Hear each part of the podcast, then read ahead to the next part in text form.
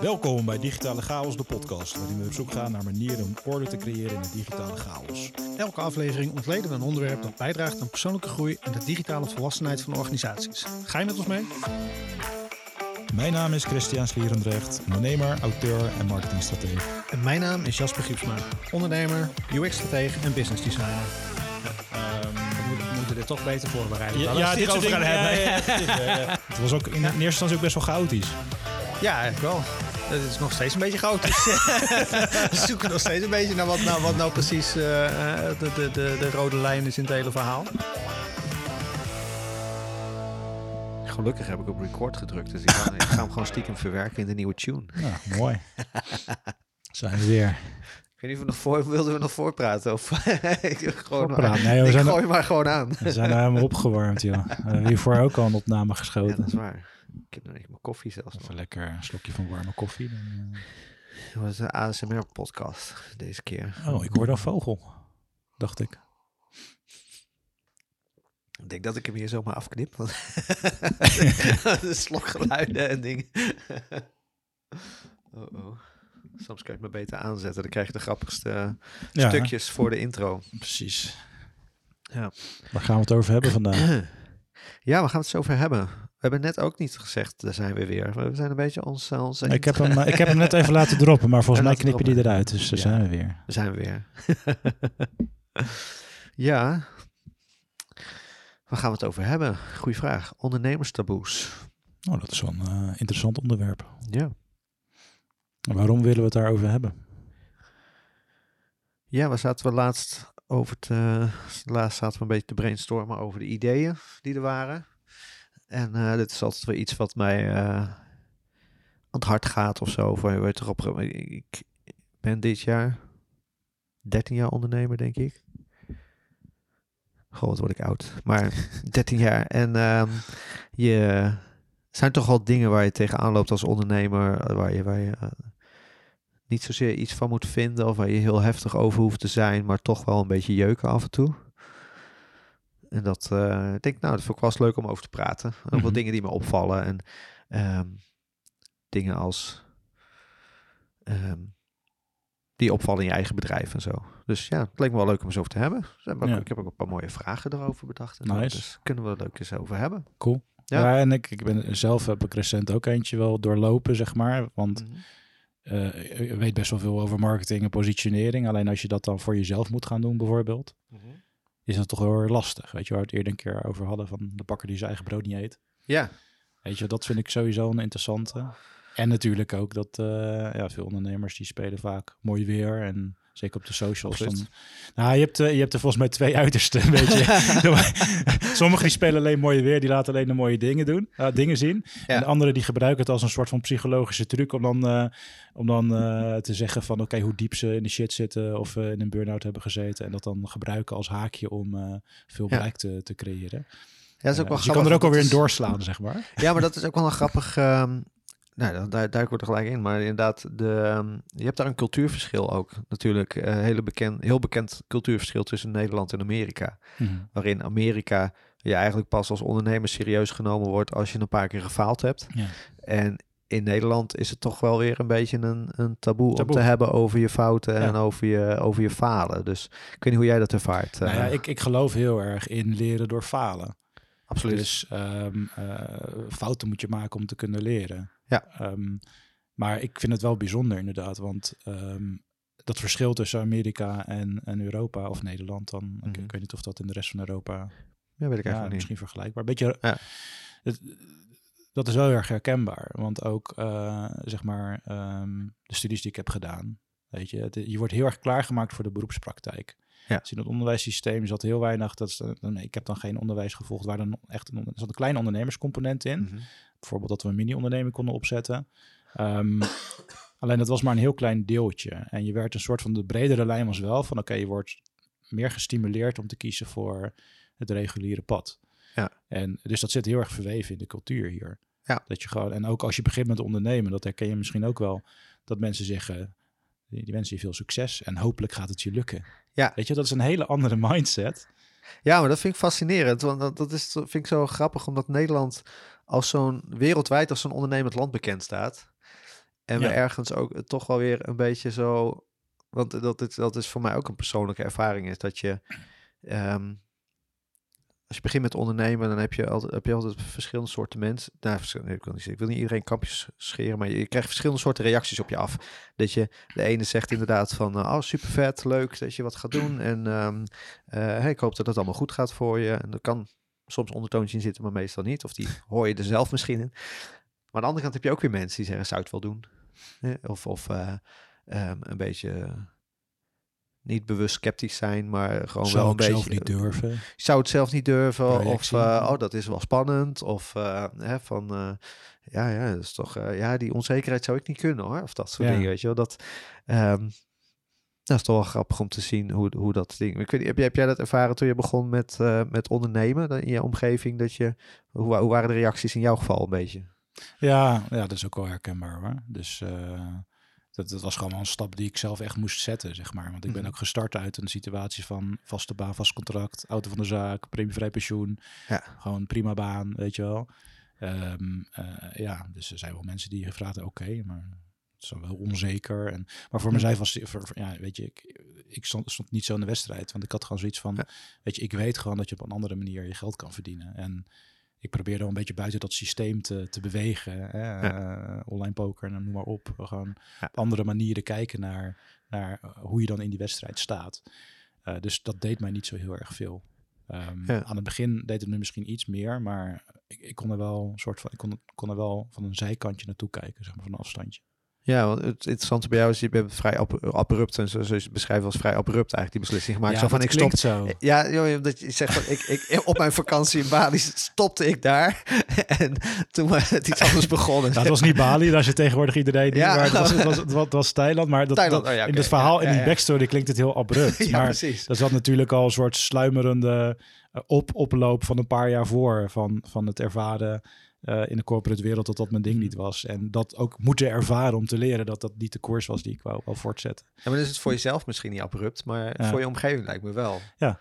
Want je, je zegt, ik kan me voorstellen dat je niet alles zegt over van ik voel me niet goed in mijn corporate baan en ik overweeg te stoppen. Dat Ja. zeg je misschien aan een paar mensen die heel close zijn, maar voor, voor andere Ja. mensen komt het misschien een beetje eh, rauw op het dak. To- nou ja, totaal. Ik denk dat de mensen die zeg maar in dat, eh, eh, datzelfde omgeving zitten, die, die kunnen er heel moeilijk op relaten. En mensen die op een andere manier eh, over dingen nadenken, of eh, die bijvoorbeeld in eh, een online poker wereldje eh, zitten of zaten, ja, die, die, die, die, die, die kunnen daar veel beter op relaten. Ja. En dan had ik de mazzel dat, kijk, mijn, mijn ouders die snapten er ook niks van, van hoe kan je geld verdienen met online poker, maar die waren wel heel supportive, weet Ja, je wel, in, ja. in alles wat ik deed. En die hebben me nooit het gevoel gegeven dat, eh, dat het niet de juiste keuze was. En dat, dat scheelt ook, weet je. Gewoon je die, de mensen die het dichtst bij je staan, als die je steunen, ja, dan is het dan weer wat van verschil. Maar als dat Ja. niet zo is, ja, dan, dan is het best wel moeilijk. Ja. Kan ik me voorstellen om die stap ook echt te nemen.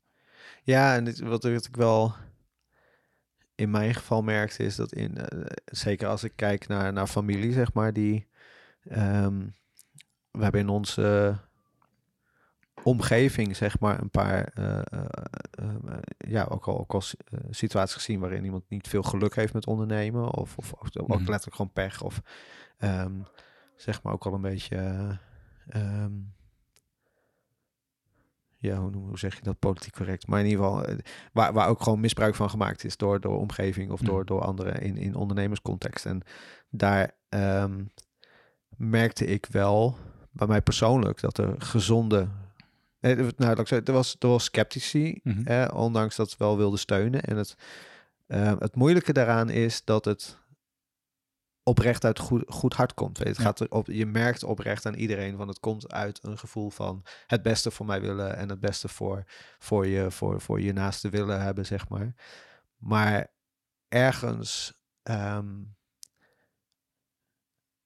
voelde het soms niet als, als, als support, zeg maar. Omdat je dan toch, ja, als je dan zei van nou, het gaat wat, gaat wat minder lekker en je krijgt een opmerking van eh, ja, maar zou je er niet wat, wat bij- gaan werken dan? Of zou je niet een baan gaan zoeken dan? Of zou je niet ehm, het, eh, het, het, gewoon anders doen? Of de, eh, ja, zeker als je uit een gezin komt waarin iedereen eigenlijk best wel ehm, het ehm, vaste baan heeft en vastigheid belangrijk vinden. En dat is niks negatiefs aan, maar gewoon wel de, de het, het, het, ehm, het structuur hebben in het leven en, en de veiligheid van een vast contract en de Mhm. veiligheid van een, van een goede baan, zeg maar. Wat, wat oprecht heel goed is om te hebben.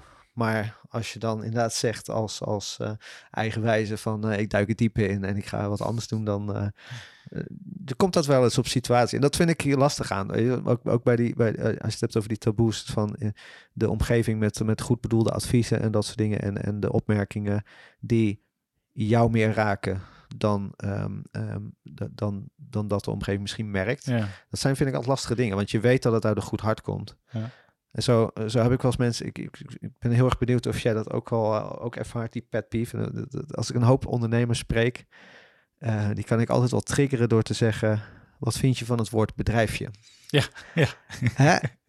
is iedereen, ik denk elke ondernemer die herkent dit heel erg, Ja. dat, dat er in je omgeving gevraagd wordt, hoe is het met je bedrijfje? Ja. En dat Er voelt zit iets denigrerends in. dit is denigrerend in en dat is niet zo bedoeld bij heel veel mensen, maar toch komt het bij heel veel ondernemers over van wat bedoel je hiermee? Bedoel je nou dat ik een soort van maar een beetje aan het, aan het spelen ben of zo? Of Ja. Maar dat, dat, dat gevoel, ik weet niet hoe Maar is het, jij zo, dat? is het zo dat, eh, zeggen mensen dat nog steeds? Ik heb wel het idee dat dat eh, in het begin meer, meer, meer, meer gebruikt werd, de Mhm. term. Maar ik, ik, ik, ik, herken het wel erg. Het is gewoon, het zit zo ingebakken bij mensen. Gewoon Ja. om het te verkleinen of zo. En zeker, Ja, maar heb- maar vooral onder mensen die dan zelf in loondienst eh, zitten. Ja, ja maar er zijn, er zijn oprecht ook wel mensen die, die dat gewoon zo uitspreken op die manier. Mhm. En niet zo bedoelen. Ik heb oprecht mensen, ik, ik ken super lieve mensen en die praten oprecht, die zeggen altijd van hoe is met je bedrijfje. En ik weet dat ze dat niet denigerend bedoelen en niet Mhm. negatief bedoelen. En dat daar echt geen enkele kwade wil achter zit of, of denigerende wil achter zit. En dat is gewoon hun manier van, van, van communiceren. En ik Ja. verkleinwoorden gebruiken. Nou, we zijn, ik, denk, ik denk dingen. dat wij in Nederland ook kampioen verkleinwoorden zijn hoor. Dat, Ja. eh, dat zeker. denk ik ook wel. Maar ik heb je, bij pod- sommige met je podcastje? ja. Maar daar heb ik minder moeite mee. want Dat is, dat is nou niet mijn core business of zo. Dat is niet waar ik al jaren mijn salaris uit haal. Maar dit, dit, dit triggert het hè, bij mij. Dat, dat merk Ja. je nu. Van, Ja. ik, ik heb heel erg de neiging om dan te gaan zeggen van... eh, ja, maar we eh, eh, ja, mijn bedrijfje gaat goed. Ik draai zoveel omzet per jaar. Weet je? En dat mensen Ja. dan een beetje zo staan te kijken van... Oh, oh wacht, dit is wel serieus. Of van, zie je die auto buiten? Ja, die is van mij. En mijn, mijn zakenpartner heeft er ook zo een. Weet je wel? En dan dat, dat, dat, dat vind ik heel naar om bij mezelf te merken dat ik denk van, oh wacht, ik zit nou, ik, ik probeer het ineens te verdedigen of groter te maken om, om even te laten merken dat ik dat woordje niet, niet, niet, niet fijn vind of zo. Wat, wat ik wel interessant vind, en dat loopt ook even terug naar eh, waar we het in het begin over hadden met cultuurverschil eh, Amerika en, en Europa of Nederland. En ehm, de, de- mensen reageren denk ik ook gewoon vanuit een reflex vaak. En de, de cultuur is dan een component, maar ook gewoon je persoonlijke ervaring, je eigen, je eigen, eigen referentiekader. En vanuit dat referentiekader eh, stel je dus een vraag of reageer je op iemand. Ja. Ehm, terwijl als je, als, je, als je lading niet je eigen referentiekader zou zijn, maar nieuwsgierigheid zou zijn, dan zou je vraag ook anders zijn. Ja. Dus bijvoorbeeld dan, dan zou de vraag bijvoorbeeld zijn, hey, eh, Jasper, hoe gaat het met jou? Ja. En dan ga je vertellen hoe het met je gaat en dan krijg je een haakje en, ehm, en dan krijg je misschien een bruggetje naar wat er speelt in de business of zo. Maar Ja. dan, dan is, het, dan, dan is de, de, de opening is heel anders. soort van, Mhm. dan, dan projecteer je niet meteen iets wat je zelf wil zeggen of misschien onbewust wil over, overbrengen. Ja. In die, ehm, wat, wat me ook nog even triggerde in die, in die cultuurverschil, hè, en dat is eh, even hard, hardop denkend alleen maar. Mhm, ja. Ehm, Nederland was dus in het in, in historisch gezien heel erg een ondernemend land. Hè, VOC-tijd. Dus dat gaat zo, zoveel honderden jaren terug. Terwijl in Amerika, dat is een relatief jong land. Ja. Waar een soort van gepioneerd is. Een soort van in, in een bepaalde eh, eh, moment van, van de historie. Dat ze dus een bepaalde mo- moderniteit konden wegzetten in hoe ze dingen organiseerden Mhm. bepaalde mindset meebracht. En misschien dat dat ook nogal daarmee te maken kan hebben. Dat je zeg maar ziet van oké, wij zijn cultureel zijn we al zo ver in bepaalde dingen dat op een gegeven moment eh, mensen het blijkbaar aannemen dat grote instituties dat je die moet moet vertrouwen of dat dat dat, dat de way to go is om in loondienst te zijn. Eh, eh, dat daardoor misschien een soort van die, dat ondernemerschap weg wordt gedrukt. Terwijl je nu weer een soort tegenbeweging ziet juist. Ja, dat ja, nu 1,3 miljoen eh ZZP'ers ja, zijn. dat is echt bizar hoeveel, hoeveel ondernemers er ineens opkomen. Ja. dus Het is ook hip onder de jongeren en Ja. dat soort dingen. En het is denk ik wel een... ehm, en dat, ik denk dat dat ook wel merk in gesprekken en dergelijke. Als je met mensen praat, ook met jongere mensen praat, dat, dat, dat, dat, dat die mindset nu wel anders is dan, dan tien jaar terug. Dat mensen toch misschien hier en daar wat huiveriger staan. En het is misschien context van de tijd, hè? Want Ja. als je net uit een kredietcrisis komt, is natuurlijk onzekere tijden. Ehm, Maar we zitten nu ook in een poliecrisis. Ik denk dat als je... We hadden in 2008 die kredietcrisis, maar je hebt nu op meerdere fronten. Op eh, Ja, ecologisch front, op eh, financieel zit het ook niet helemaal lekker op veel Ja. fronten. Ehm, Ja, maar ik vind het, er hangt een soort andere vibe aan, denk Mhm. ik, op dat vlak. En op het gebied van ondernemerschap. Ik weet niet of dat, het zit ook wel hard op na te denken hoor. Maar ehm, Ja, maar daarom, ik, ik, Ja. het zou dus heel goed kunnen dat daar iets aan het verschuiven is. Dat Ja, zeg maar de kijk- taboe op, op ondernemerschap in Nederland, mhm. dat, dat zeg maar zeker met, met, met de nieuwe generatie die eraan komen, dat de blik daarop met name wordt gevoed nog door baby, de babyboom generatie. Ja. Die stempel. Dat dat aan het verschuiven is, dat zou heel goed kunnen. Ja. Ja. Ja, want ik vind, ja, het lastige, als ik kijk naar 2008, was natuurlijk wel gewoon een wat algemene gevoel van drama en algemene gevoel van het gaat slecht. Mhm. En wat ik nu heel erg merk, is een algeheel gevoel van onzekerheid. En ik hoor bij iedereen eigenlijk van ja, er zijn heel veel dingen aan de hand, maar het gaat eigenlijk ook niet slecht. Ja. Het is een beetje chaotisch. Omarm, omarm de chaos. Omarm de chaos. Nee, maar het is echt oprecht een beetje zo van ook nu, eh, dat merkte ik dan met in september. Binnen september is over het algemeen de sales, die, eh, die schiet even wat op. Dat zijn van die periodes in het jaar dat mensen na de vakantie terugkomen, nieuwe projecten opstarten. En dit jaar was dat gewoon wat vlakker. En dat kwam wat later op gang en dat kwam in, in oktober. En het, het, is, het is echt niet negatief gegaan, maar ik merkte wel van, de, er hangt een soort onzekerheid. En nu ook, hè, er was allemaal sprake van, eh, oh, eh, ehm, ehm, ehm, recessie hier, recessie daar. Maar is dat geen valt, al- dat valt allemaal wel mee. Ja. En dan denk ik zo van, ja, daar hangt een vibe van onzekerheid, maar ook weer niet voldoende om het zeg maar naar het negatieve te trekken. of. Vandaar dat ze dus, eh, oh nee, maar ga ik wel even de actualiteit inzoomen. Maar vandaar dat Ja, ze dus zitten eh, nu opeens dingen in de media laten zien over hele grote, rare, ronde dingen die aanspoelen op het strand van Japan. Oh ja, en, en ik- weerballonnen die uit de lucht worden geschoten en ufo's die nog steeds niet geïdentificeerd zijn. Er moet gewoon meer onzekerheid ter compensatie van het feit dat de recessie niet in, eh inkikt.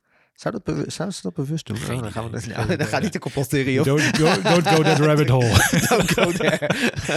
maar het is wel... Het, zeg Nou, maar het is wel, oké, dat, wat, wat je zegt klopt wel. Kijk, de, de, het stukje chaos en dergelijke. Ik denk wel dat, ehm, ik heb ooit een keer, ehm, had ik, dat, eh, ik kan hem niet, niet direct quoten, maar iemand gesproken die dan zei van ja, het is, ehm, we zitten in een soort paradigmaverschuiving. Ja. Er zit wel een tijdje in. Maar het is over het algemeen een soort, de, de verandering komt doordat we de systemen die we hadden niet meer werken in deze context. ja. En ehm, we moeten dus een systeemverandering doorgaan.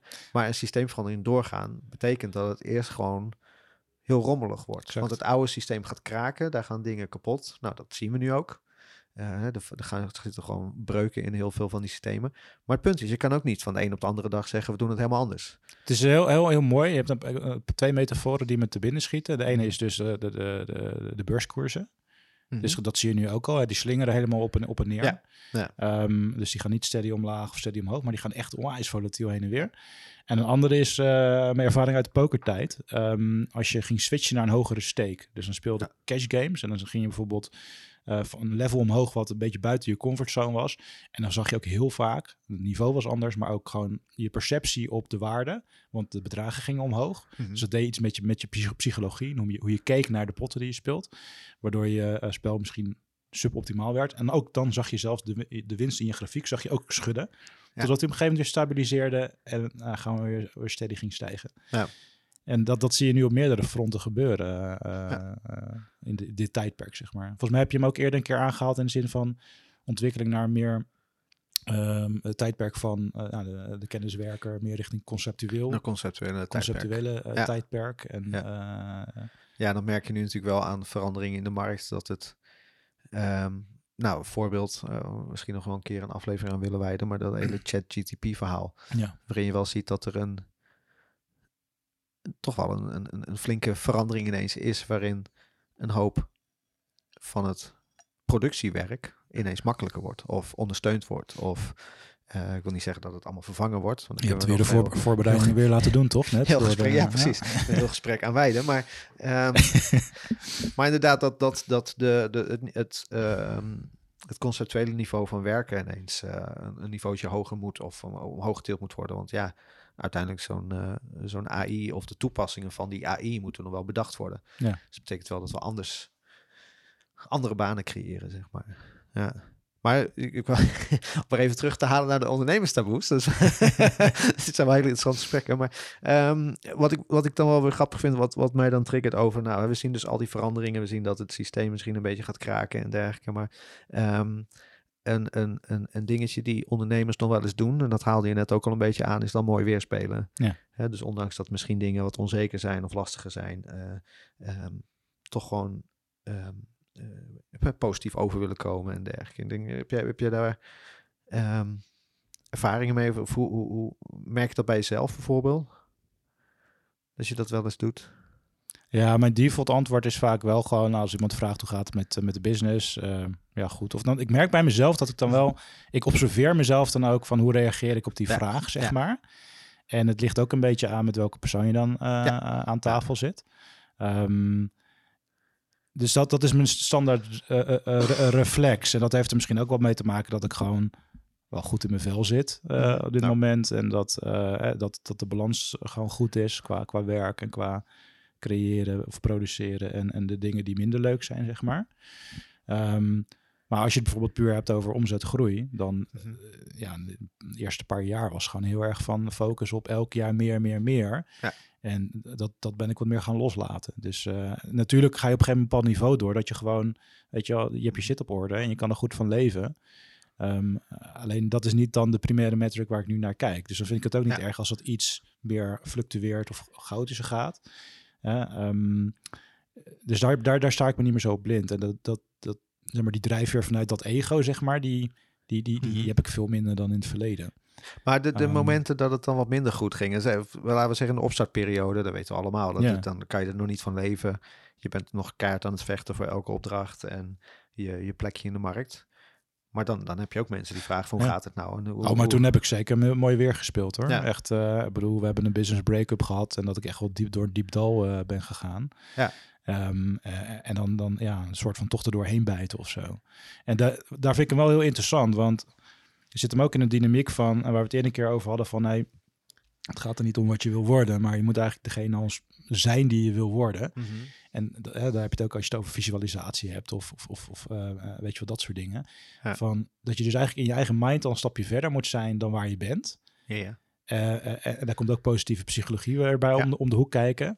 Ehm, maar, maar tegelijkertijd, ja, ik bedoel, je, kan, je moet ook gewoon een beetje bij de naam noemen. Weet je wel, als iets niet goed gaat, ja, dan kan je het beter maar benoemen, want dan kan je er Ja. iets mee, weet je wel. Ja. En dan denk ik wel dat die, die, die dynamiek gebeurt gewoon veel. Heb ik zelf ook Ja. ervaren. Dat je gewoon denkt van, ik moet door blijven gaan. Dus dat was altijd mijn, mijn default modus van, ga maar doorgaan. Als iets niet goed gaat, ook niet, gewoon, gewoon doorgaan. En eh, eh, ja, en dan blijf je soms van een beetje in dat, in dat, in dat, dat hamsterwieltje rennen, zeg Ja. maar. Ja, ja. Dus die heb ik zeker wel ervaren. Eh, totdat ik het op een gegeven moment meer ging observeren. Van oké, Mhm. dat je soort van signaleert van oké, nu gebeurt er iets. Oké, wat kan ik ermee? Een stapje terug. Ja. En dan, ja, dat, dat, dat heeft gewoon veel gebracht, weet je. Gewoon de ruimte creëren. Eh, ehm, en dan kan je daar ook gewoon, ja, dan kan je er denk ik ook wat, wat, wat, wat nuchterder naar kijken. Ja. Dat soort dingen. Ja, het voelt ook wel herkenbaar. Ik denk wel, wat ik, wat ik bij mezelf wel eens merkte, is inderdaad ook wel dat ook als het wat minder gaat, dat je heel gauw in die reflex schiet van, nou, het gaat prima en eh, het gaat wel lekker. Maar ook ergens vanuit een stiekem onderliggend gevoel dat elk gesprek een saleskans is. Ik weet Oh niet ja. hoe jij dat ervaart, maar het toch wel, er zijn toch ook wel opdrachten gekomen uit vreemde hoeken. Dus, dat een keer op een verjaardag zit en je hebt het over een bedrijf en waar iemand werkt en weet ik het allemaal. Is toch wel even van, oh ja, dat kan wel weer interessant zijn. Dus ik, niet, ik, ik, ik denk dat dat ligt stiekem ook nog wel eens onder, onder mijn gevoel van, oh, het gaat goed, want eh, wellicht is dit een saleskans of wellicht ja. zijn hier dingen. Ik Ja. niet nou, ik herken er wel in de zin van dat ik altijd wel, dat, dat staat altijd wel aan. Een soort van die Mhm. radar staat altijd wel aan. Ja. Alleen, ik zit nu wel in de situatie dat ik gewoon mi- minder die, die urge voel. Ja, Van, ja. eh, en dat hoeft ook niet, weet je wel. Want Ja. het is, sterker nog, als wij nu een nieuwe klant aannemen, dan moet het ook georganiseerd worden qua resources Mhm. en zo. En het team wat er zit, zit gewoon vol eigenlijk. Ja. En dat, dat geeft dan ook alweer een bepaalde, ja, noem je dat? Ehm, ontspannenheid misschien. Wat je zelfs weer in een gesprek met potentiële klanten ook weer meebrengt. Ja. Want die, die merken ook gewoon een soort van aan je hele voorkomen of hoe je communiceert dat je bent niet, eh, hoe noem je dat? Eh, desperate to win, Ja. to win, to win the, the job, weet je wel. Ja. Dus dat, dat, dat, dat merk ik ook wel. Ja, leuk. Ja, en ik, dat opzicht in, in gesprekken. Dat, dat- ik denk dat daar ook wel, wel interessant is. Ik heb ook wel in salesgesprekken wel. Is misschien ook wel een, een taboe of een, een, een stiekem geheim onder ondernemers. Maar het fenomeen van fake it till you make it. Mhm. Dat heb ik ook wel eens eh, heel bewust toegeval, Ja. toegepast. En wij noemen het altijd een beetje. Nou, dat, dat haakt aan op je pokerverleden. Wij noemen het altijd een beetje bluffen. Ja. In de zin van dat je. Want ik vind fake it till you make it. Het kan ook zijn van eh, ik, ik ga echt helemaal voluit. Dus ik thematiseer het tot, tot ik en dan, en dan erachter komen dat je het niet kan. Maar bij bluffen zit er altijd nog wel een ondertoon aan van ik weet wel wat ik aan het doen ben, zeg maar. Ja, het is een eh, nemen van een gecalculeerd risico. Ja. Dus eh, en dat, ik denk dat elke ondernemer in het begin dat wel moet doen op bepaalde Ja. fronten. Want anders ga je dus niet bijvoorbeeld een bepaalde order size aan projecten binnenhalen. Ja. Of anders blijf je altijd hele kleine dingetjes aantrekken. Dus op een gegeven moment, als je een aanvraag komt en ze vragen van ja, kunnen jullie dit? Ja, dan so- soms heb je het gewoon nog nooit gedaan. Maar dan ben je gewoon pipi langkous. Ik heb het nog nooit gedaan, dus ik denk dat we het wel kunnen. Nou, dat zeg je dan niet. Maar die gebruik je wel, die mindset gebruik je wel.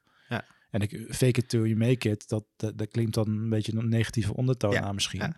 In de zin van dat je gewoon overal maar gaat zeggen, ja, dat kan ik en dat heb ik gedaan. En eh, weet Ja. je, zo, zo, zo zie ik het zelf niet. Maar het is wel een bepaalde mindset dat je gewoon, ja, dus dat gecalculeerde risico durft te nemen. Dat, Precies. dat is ook ondernemen. Ja, het is wel grappig. want Zo hebben wij onze eerste UX-opdracht binnen, een serieuze UX-opdracht binnengehaald. We zaten letterlijk in een gesprek om ergens. Wij, wij wilden op een gegeven moment een beetje UX-kant op. En toen zaten we zelfs op het punt dat we zeiden van nou laten we eens een keer gewoon een freelance UX-opdracht aannemen. En dan gewoon een van ons daar opzetten. En dan, eh, dus wij zaten daarover in gesprek. En toen zei die klant zelf, die zei van ja, maar volgens mij is dit niet wat, je, wat jullie willen. Volgens mij willen jullie dit als project doen. En toen zeiden we van ja, ja, op zich wel. Maar ja, goed, hè, jullie hebben het nu in deze manier. Ze zegt, nou, daar sta ik wel voor open. En eh, die zei toen van, eh, kunnen jullie morgen beginnen? En toen zaten wij van, ja, ja, dat kan wel. En, toen- en dat was het eerste echte serieuze Ja. UX-opdracht. En toen zaten we in de auto terug, zaten we in een soort van hype van, wat is er net gebeurd? Ja, we hebben een opdracht binnengehaald. Oh, we moeten, we moeten van, vanmiddag nog een offerte schrijven. Oké, ja, hebben we dit al eens gedaan? Nee. Kunnen we dit? Ja, kunnen we. Oké. Ja, mooi. Toen hebben we echt- Geweldig, toch? En toen we echt in een high hebben we een offerte uitgestuurd. Die werd gelijk goedgekeurd. Volgende Ja. dag een sessie gepland. En we hebben die avond, en we als een malle, hebben we allemaal dingen zitten voorbereiden. En dat, ik vind het nog steeds, is dat een van de beste UX-projecten die we gedaan hebben. Ja. Ondanks dat het de eerste was. Ja, en Gewoon eh, uit het feit dat we gewoon zoveel motivatie hadden om onszelf te bewijzen daarin. Ja. En ook naar onszelf toe eigenlijk meer. Niet eens naar de klant, maar intrinsieke onszelf. motivatie. En dat, eh, ja, dat is wel heel tof. Maar dat was inderdaad wel een bluff. Wij, wij wisten wat we wilden doen. We hadden het alleen nog nooit gedaan. Ja, maar er zat uiteindelijk zoveel intrinsieke motivatie onder dat je er waarschijnlijk ook nog over gedeliverd hebben. Ja, absoluut. Ja, En dat, dat vind ik ook een hele interessante dyna- dynamiek. Want dat, daar lopen veel beginnende ondernemers, of zelfs on- ondernemers die al een paar jaar bezig zijn, vaak ook tegenaan. Bijvoorbeeld het vragen van hogere prijzen. Ja. Dus heel vaak is de reflex om een faire prijs te vragen en dan misschien zelfs te concurreren op prijs. Ja. Alleen je weet van tevoren, je schat altijd eh, niet goed in hoeveel tijd iets kost. En dus aan het Ja. begin zit je waarschijnlijk, zit er altijd, eh, je, je, je, je, eh, wat je aan winstmarge had is waarschijnlijk lager dan je verwacht. Ja. En ook het vragen van een hogere prijs die buiten je comfortzone ligt. Ja. Je zit een beetje in hetzelfde straatje volgens mij. Ja. Dus het gaat minder over skills, maar het gaat meer over bepalen wat je zelf waard, waard bent. Ja. Ja. Denk dat veel mensen dat onderschatten. Oh, absoluut. Ik heb ook wel wat, wat beginnende ondernemers begeleid. In de zin van freelancers en vaak vanuit een stage. We hebben veel met grafische stagiairs gewerkt die dan ook voor hunzelf begonnen. En eh, dan zie je toch de. En ik heb dat zelf ook gedaan. Want als ik soms, of als ik offerten terugreken die ik eh, met mijn eigen bedrijf heb gedaan, mijn eerste bedrijf. Dan kom ik op 15, 15 euro net op een uur uit. Ja. Wat ik heb gerekend. De eerste projecten kom je gewoon uit op, Ja, op minder dan wat je loondienst krijgt. dat is echt niet gezond. Echt niet gezond.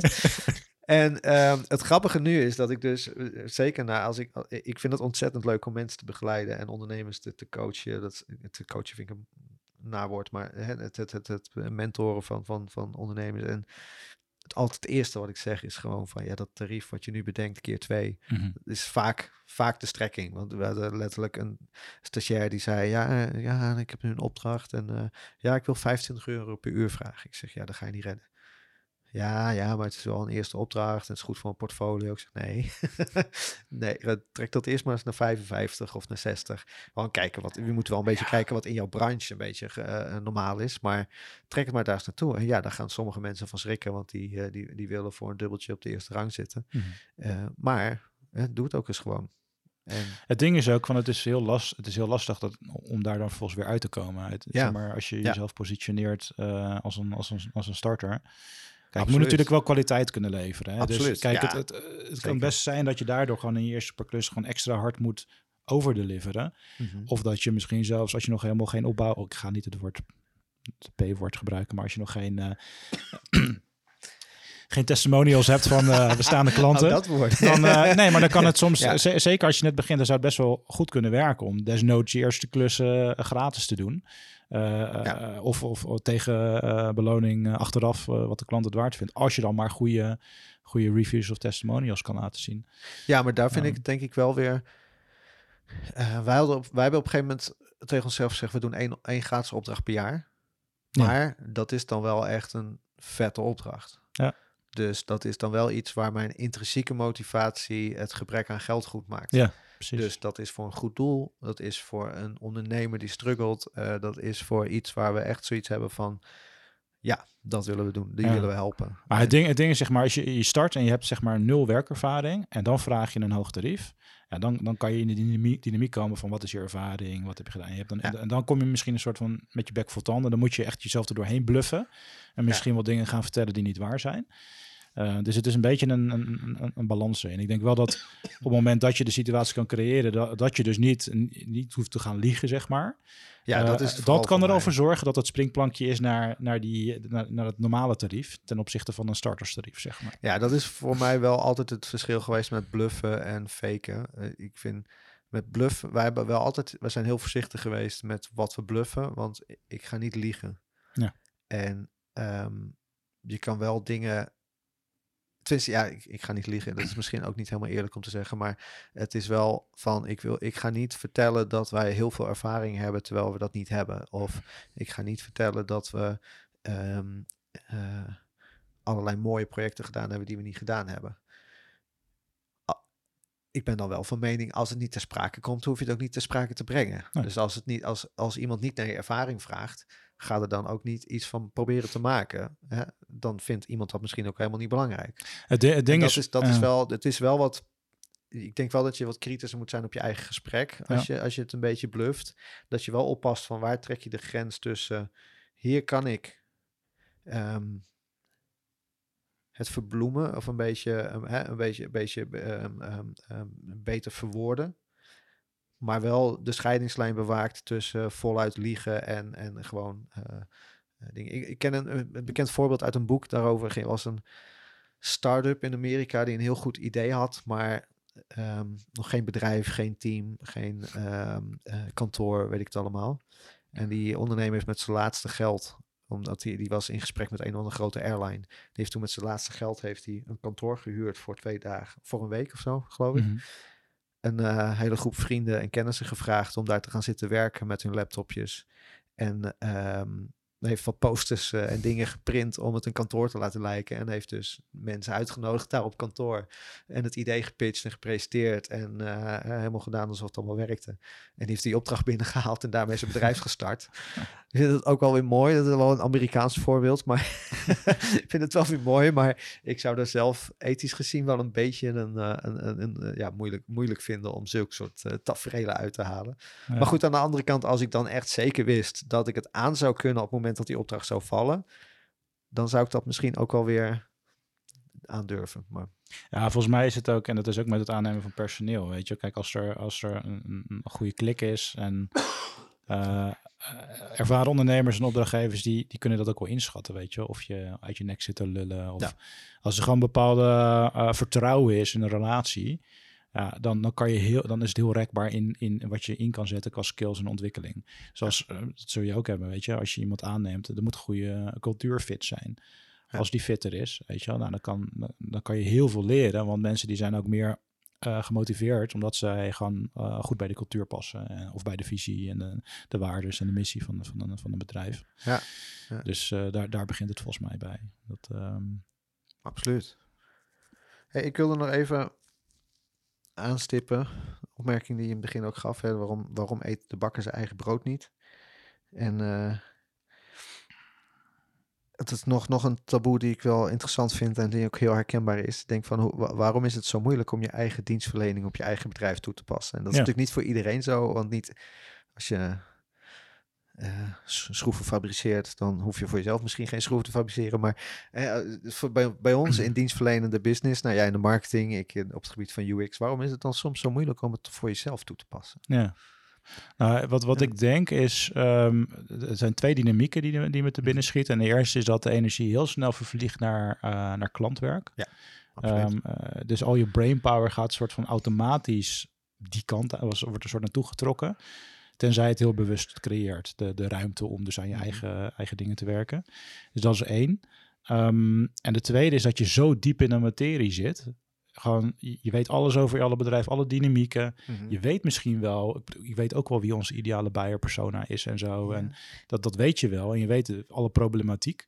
Uh, maar omdat je zoveel kennis, zoveel informatie en kennis hebt, Mhm. is het heel moeilijk om daar dan één ding uit te lichten.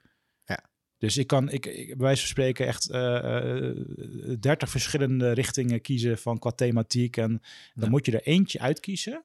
En omdat je midden, daar middenin zit, ja, omdat bij wijze van spreken, dat is gewoon je vissenkom met water of je doos met puzzelstukjes. En, en dan is het heel lastig om dat zelf, zelf te kiezen. Ja. Dus dan helpt het heel erg goed als je iemand hebt die gewoon wat meer afstand heeft en je door dat proces heen kan begeleiden. ja, dat dat is mijn wel- ervaring. Ja, die is wel herkenbaar. Ja, kijk, sowieso natuurlijk het, het, het voor laten gaan van klantprojecten. Dat als je letterlijk zegt, de, de bakker eet zijn eigen brood niet, want ja, dat is een brood minder wat hij kan verkopen. Ja. Dus hè, dat is natuurlijk ook Ja. bij ons, van alle energie die je steekt in jouw eigen dienstverlening, je eigen marketing of in ons geval eigen website of eigen applicatie bouwen, wat dan ook. Dat is allemaal tijd die niet naar klantprojecten gaat. Mhm. Maar je hebt het wel nodig. Je hebt wel een website nodig. Je hebt wel een, eh, in ons geval, bezig met een, met een interne applicatie. Ja, die gaat heel veel ehm, tijd creëren en ruimte creëren en ook marketingkansen creëren voor de toekomst. Ja. Maar dat is natuurlijk misschien ook een beetje dat eh delayed, eh, hoe noem je dat? Delayed Gratification. gratification, dat je inderdaad pas, het resultaat zie je pas over een, over een langere tijd. En als het er is, dan denk je, waarom hadden we dit niet eerder gedaan? Ja. Ja, maar dat is, dat, ja, vind ik wel interessant. En wij hebben op een gegeven moment een beetje geprobeerd te experimenteren daarmee. Dus toen hebben we gezegd van nou, hè, ik heb dan ik heb een zakenpartner en, en we hebben dan wat mensen in dienst. Op een gegeven moment hebben we gezegd voor onze eigen website van, weet je wat, ik word jullie opdrachtgever. Ja. En ik ga niet inhoudelijk in het project zitten. Ik ga, ik, eh, plan maar meetings bij mij, net als een gewoon project. Dus, eh, en ik heb gezegd, pas het designproces gewoon maar toe. Mhm. En ik ben de klant. En eh, ehm, eh, we, de rest, jullie zijn wel onderdeel van het kernteam of van het inhoudelijk team, maar ook de, de uitvoerder, zeg maar, als, alsof het een externe opdracht is. En we zijn letterlijk onze, we hadden, we hadden vroeger een onderscheid tussen interne projecten en externe projecten. En wij hebben nu alles geschaard onder externe projecten. Ja. Omdat dat dan toch net even die trigger geeft van, oh ja, het is wel een project. Het is wel Ja. iets wat, en dat hielp voor ons eh, uiteindelijk wel om onze website en onze nou, branding hebben we dan wel iemand extern gevraagd, maar eh, inderdaad wel om dat, eh, dat proces een beetje op gang te brengen. En dan nog hoor, dan nog loop je wel in de valkuil dat je klantprojecten voor laat gaan, Ja. dat de aandacht af en toe gewoon verslapt. En, Schappig, ja. Wij, hebben, wij, zeg maar, wij werken dan met eh, retainers, dus retainer klanten. Dus dat zijn eigenlijk de online partnerships. En eh, bijvoorbeeld digitaal groei is dan een retainer daarbinnen. ja, Eh, Ja. Maar ik herken ook de dynamiek hoor. Nog steeds heb je wel van, oké, je weet dat het een intern iets is. Ja. dus die energie blijft nog steeds wel, eh, ja, eh, dat, dat, dat is gewoon een aandachtspunt. Maar Ja. het begint met daar bewust van zijn en dan ook dingen inbouwen in, de, in je structuren. Dat je Mhm. gewoon blijft stilstaan bij de ontwikkeling van je eigen, van je eigen projecten. En het, het, het mooiste is van, op een gegeven moment ook gewoon, waar kan je de synergie vinden, weet je wel? Ja. Dus, Ja. eh, dus dat, dat is waar we steeds mee heen bewegen. Van, als je die synergie ziet, ja, dan wordt het ook steeds logischer om daar veel meer eh, energie in te stoppen. Dus dat is wel al eh, ten opzichte van anderhalf jaar geleden is dat echt al flink veranderd ook, merk Ja. ik. En hoe merk je, merk je het wel als we het dan hebben over taboes? Hè? Want hoe kijk jij naar ehm, leveranciers die je inhuurt die het misschien zelf niet op orde hebben? Want dat vind ik wel weer fascinerend. Dat Mhm. ik weet dat wij heel veel moeite hebben gehad om onze eigen website te redesignen en live te zetten. En dat wij nu ook tegen vergelijkbare valkuilen lopen als onze klanten. Maar ik heb laatst bijvoorbeeld met een eh, ontwikkelpartij gesproken die zelf geen website had. Mhm.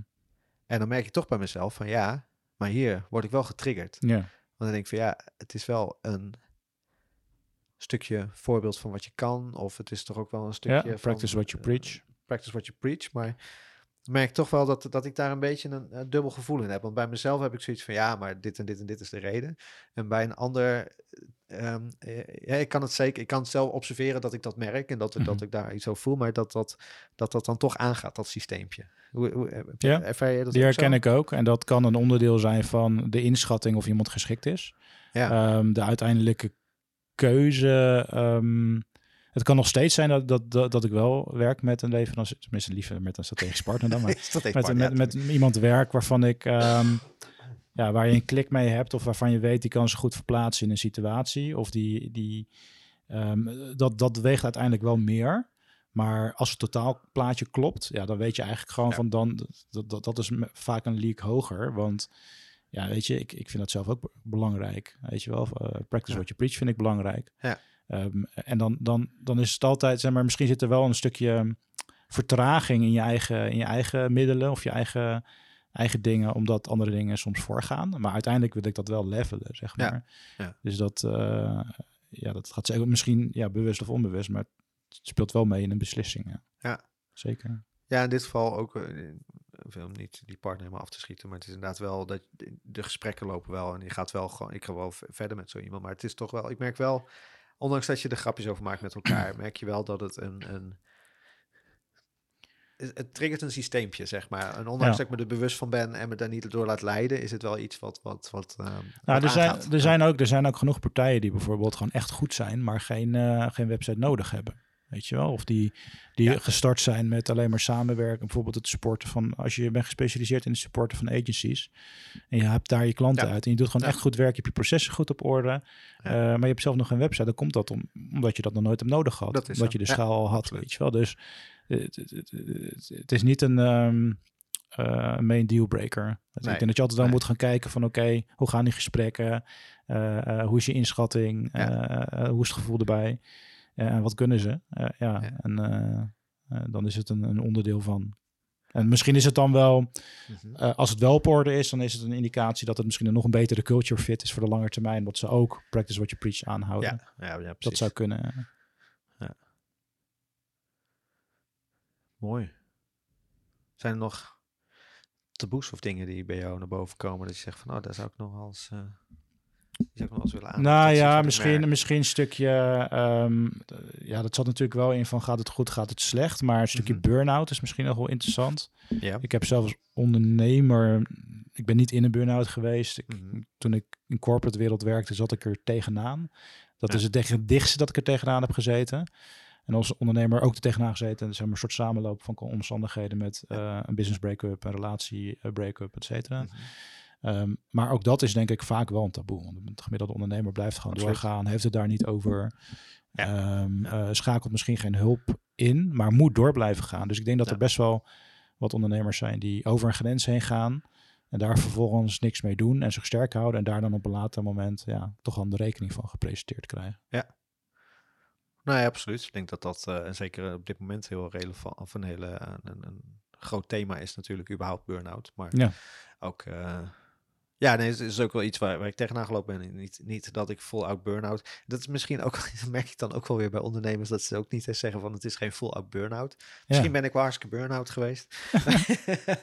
maar toch eh, eh, ook, wel, ook wel inderdaad over een grens heen gegaan. En ehm, eh, wat ik in een eerdere aflevering eens aanhaalde, is bij mij was het ook een stukje identiteit. Hè, dat mijn bedrijf mijn identiteit werd. Of dat ik mijn werk. Ik vind mijn werk oprecht ook super leuk en ik vind het super nuttig.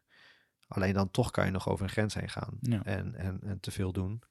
En ik heb wel oprecht daar inderdaad lange, lange tijd genegeerd. Of ehm, daar niet over willen praten, ook wel, denk ik. Of, daar, daar, dat, of het gewoon misschien ook niet erkend, bij, erkend heb bij mezelf. Mhm. En ik merkte wel, dat moment, ik heb, ik heb vorig jaar dan een heel goed gesprek gehad met mijn zakenpartner. En ehm, Dat was geen leuk gesprek voor mij, maar eh, achteraf wel heel nuttig. Dat je wel merkt van oké, wacht, er zijn wel.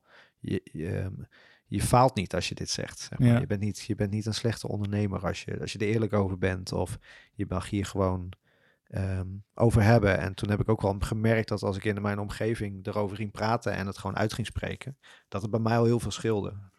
Want voor mij was een heel groot deel van het overprikkeld zijn of het, het, het, eh, het vol, vollopen qua, ehm, qua stress. Was ook omdat ik heel veel stress ervaarde naar buiten toe. Van, oh ja, ik ben aan het falen richting mijn zakenpartner. Ik ben aan het falen richting mijn personeel. Ik ben aan het falen richting mijn omgeving. Falen is misschien een groot woord, maar ehm, op het moment dat je het uitspreekt en dan merkt van, oh wacht, mensen zijn er, mensen willen je helpen, mensen willen, staan er open voor, mensen begrijpen het misschien enigszins. Hè. Ik denk niet dat je het volledig kan begrijpen hoe iemand zich voelt in een burn-out, maar wel dat je ineens merkt van, ja, er zijn eigenlijk heel veel mensen om je heen die daar prima bij voelen. Of in ieder geval waar je wat mee kan. Mhm. En misschien ook onbewust, dat je misschien een keer een heel naar gesprek hebt, maar dat je later denkt van, goh, dat was wel eigenlijk wel super nuttig. Ja. En dat is wel iets wat ik wel heb gemerkt inderdaad. Dat dat, Ja. Eh, het is zeker een taboe om het uit te spreken als ondernemer van het gaat niet zo goed Nou, met misschien, mij. misschien is het een taboe om je kwetsbaar op te stellen soms. Terwijl, terwijl als, je Ja. dat, als je dat doet, dan eh, vaak krijg je daardoor juist mensen die beter begrip krijgen Mhm. in je situatie. Ja. Wat me ook nog even te binnen schoot was, eh, we hebben natuurlijk een mooi gesprek met Frans van Leeuw over gehad. Ja. Van, eh, die het boek Aankloten heeft geschreven. En eh, dus ook naar aanleiding van zijn burn-out. En dat hij op een gegeven moment ook zei in die episode van, ja weet je, ik nam mezelf gewoon veel te serieus. En dat, dat is heel veel ondernemers zichzelf gewoon te serieus eh, Ja. nemen. Ja. En dat, eh, en dat, dat, dat pad heb ik ook doorlopen. Maar je, je merkt gewoon along the way, als je daar bewust van wordt, dan ga je weer wat meer spelen. Mhm. En dan, dan, dan, dan komt weer een beetje die, beetje van wat je aan, net beschreef van aan het begin van je ondernemerschap, weet je wel, die, die klus die jullie binnenhaalden. Nou, Mhm. dat gevoel, een beetje dat, een beetje dat eh, eh, bijna ondeugende van Ja. speelse eh, aspect. Mhm. Nou ja, als je dat, als je dat vast kan houden, ja, dan, dan, dan, dan, dan kijk je er ook op een andere manier na, naartoe. En dan, ga je Ja. jezelf ook minder serieus nemen. Of dan ga je jezelf misschien af en toe voor gek zetten, weet je wel. Ja, dat, eh, ja, ja. en dat, nee, dat eh, zeker. En ik, dat vond ik alweer mooi aan de, de vorige aflevering. ehm, het, het hele stukje van imposter syndroom. En ik denk dat het bij mij wel een, een belangrijke was. Dat je soort van... Als ondernemer word je natuurlijk wel gewoon eh, in een rol gezet waarin je alles moet doen. Je bent de ene dag ben Ja. je marketeer en het volgende moment ben je een boekhouder en het volgende moment ben je eh, eh, iemand die in de productie zit of een designer in mijn geval. En het andere moment ben je een sales manager en dan ben je weer een directeur. Eh, hoe klein dat ook is in het begin. Maar goed, je- natuurlijk het risico wel. Je wordt in allerlei rollen gezet waar je misschien je niet gekwalificeerd, gekwalificeerd voor voelt. Mhm. En als je dan die perfectiedrang hebt, of dat, dat, dat ehm, gevoel van ik moet dit dan ook goed doen, of ik heb hiervoor gekozen, dus ik moet het dan ook maar laten zien. Dat je dat imposter syndroom krijgt van, oh ja, maar val ik nu niet door de mand? En als er een keer wat misgaat, of je weet niet wat je aan het doen bent op dat moment, wat denk ik zeker in het begin 80% van ondernemen is, je weet niet wat je aan het doen bent, Mhm. zoek het Ja. maar uit. Eh, dat, dat op ma- naarmate je wat verder kan. In het begin mag dat. Hè? In het begin mag je een beetje. Voel je bij jezelf ook die ruimte van. eh oh, tof. Weer, wat- Speelruimte. weer wat nieuws. Ik mag Ja. weer even wat nieuws gaan proberen. En oh, werkt dit, werkt dat. Maar naarmate. je- Nu ook. Hè? Wij bestaan tien jaar. En we hebben nog altijd het gevoel dat we net beginnen. Maar toch stiekem onder, ondergronds of onderhuids voel je toch wel zoiets van. Ja, maar je bent al tien jaar een bedrijf. Ja. Je moet toch onderhand wel een beetje weten wat je aan het doen bent. En dat hoeft helemaal niet. Maar toch, toch is er zo'n onder, onderhuids stemmetje wat zegt van... eh, goh, ja, je, bent je bent wat of zo. Terwijl je dat helemaal niet bent. Nou, misschien is dat ook wel een mooie, een mooie soort van eh eh, eh, final note waar het bij elkaar komt. Hè? Zeg maar, ja, maar als je meer speelruimte hebt, cultureel, hè, dus eh, Ja. het verschil Amerika-Europa, als je cultureel meer speelruimte hebt, als je meer speelruimte creëert binnen je team en ook Mhm. nog eens voor jezelf, Ja. dan, eh, eh, dan ga je volgens mij op een andere manier, dan kun je op een andere manier naar taboes kijken. Dan kan je ook speels daarover hebben, weet je wel. Dan kan Ja. je ook gewoon eh, we hebben bijvoorbeeld dan eh, elke week nu eh, eh, eh, op de donderdag een korte inspiratiesessie met het team. Nou, heb het gewoon een keer over een thema wat normaal Ja. gesproken taboe is. En ga er dan ga het observeren en ga het over hebben. Ja. En doe dat op een speelse manier. En dan kan je volgens mij veel van die taboes wel doorbreken. Mhm. Ehm, of in ieder geval, ja, je gaat er wel op een andere manier kijken. Ja, ja dat denk ik ook wel, ja. Ja, dat is een mooie, mooie, Mooie rap. af- mooie afrondende wrap-up. Ja, Eh, rap, doen we er een strik omheen. lijkt me goed.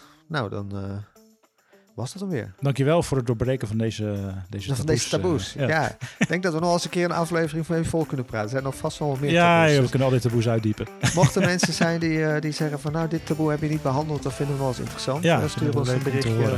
Reageer op LinkedIn, wat dan ook. Maar laat maar eens weten dat we nog meer kunnen bespreken wat, wat er ligt. Ja. Tof. Oké, Hey, cool. Tot de volgende keer. volgende keer. Hoi, hoi. Hey.